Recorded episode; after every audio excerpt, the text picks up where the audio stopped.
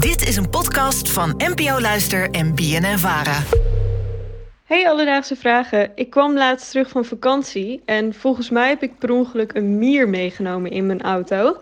En uh, toen vroeg ik me af, kunnen mieren ook integreren in een ander mierennest? Alledaagse Vragen. NPO Luister. Jet, dankjewel voor het insturen van je vraag. Ja, Roos, we hadden het net al eventjes over mieren. Jij bent geen fan. Nee, ik hou niet van mieren. Nee, want als je weet, er zijn mieren, dan is, ligt er veel zooi op de grond. En zometeen zitten er mieren overal. In je huis, in je bed. Weet niet, overal kunnen ze zitten. Ja.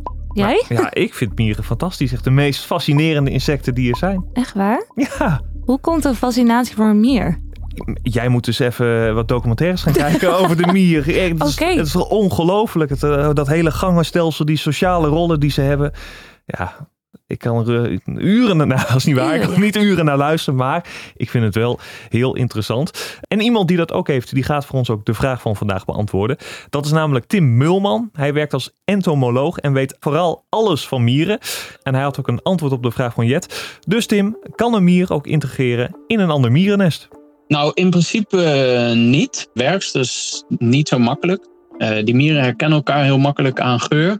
En als er een eh, mier van een andere nest aankomt, dan zien ze die eigenlijk pas een indringer. En ik je moet onderscheid maken tussen de werksters eh, en de koninginnen. Hè, die koninginnen leggen de eitjes, waardoor er weer nieuwe werksters geboren worden. En dat zijn ook die vliegende mieren die je één keer per jaar eh, vaak ziet in de tuin of op straat. En eh, bij een aantal soorten, bijvoorbeeld de, de rode bosmieren, daar kunnen die koninginnen weer terug het nest in, in opgenomen worden. Dus die kunnen weer terug integreren in het nest waar ze vandaan kwamen. En dan zie je ook dat die rode bosmieren, dus van die hele grote hopen maken in het bos. En daar kunnen honderden koninginnen in zitten. Die dus eerst uitvliegen en vervolgens weer terug het nest ingaan. Jij leek eh, geschrokken door, door eh, de- de- het niet te kunnen integreren van de mieren. Ja, ik vind dat toch zielig. Dan denk je toch aan die mier die in die auto zit. Die dan op een, in een nieuw land komt. En dan niet wordt geaccepteerd. En dat vind ik eigenlijk een soort parallel wat er nu ook in Nederland gebeurt. Wow, we gaan nu heel diep gaan we. Ja, Ja, het is helaas wel zo tragisch eh, bij de mieren. Want eh, ja, ik kan het nog gruwelijker maken. Ehm, als een mier wordt ontdekt en hij gaat naar zo'n mier. Ja, ze hebben hem al heel snel in de gaten, want hij heeft niet de geur van Ja. het mierennest. En dan wordt hij gewoon weggejaagd of eh, doodgemaakt. ja vind ik toch echt zielig. Maar Ja. de koninginnen, daar is het oké mee. Ja, die kunnen blijkbaar wel weer terug integreren. Dus die kunnen eerst weggaan en dan kunnen ze weer terugkomen. Toch Dat een is statusdingetje. Blijkbaar. nou, over het algemeen is integreren dus niet mogelijk voor werkers. Maar volgens Tim was er wel één uitzondering. En dat heeft te maken met een mierensoort die de poppen, en dat zijn dus eigenlijk een soort eitjes van mieren, eh, stelen en meenemen naar hun eigen nest. En je hebt eigenlijk één, één uitzondering misschien hierop, waarbij de werksters wel ehm, hè, eigenlijk kunnen integreren. En dat is bij de, de bloedrode roofmier. Deze mierensoorten die gaan eh, eigenlijk op jacht naar ehm, de poppen van andere mierenkolonie. Eh, dus die gaan op strooptochten, die dringen een andere mierenkolonie binnen. Eh, die nemen de poppen mee naar hun eigen nest. Nou ja, die poppen worden daar geboren in het nest van, ehm, van die blo- bloedrode roofmieren. En als die uitkomen, hebben ze helemaal geen idee dat ze in een, in een ander mierennest terecht zijn gekomen. Dus ze nemen ook die geur over van dat nieuwe mierennest. En uiteindelijk zullen zij daar werk verrichten als eh gangengraven en voor de nieuwe larfjes zorgen.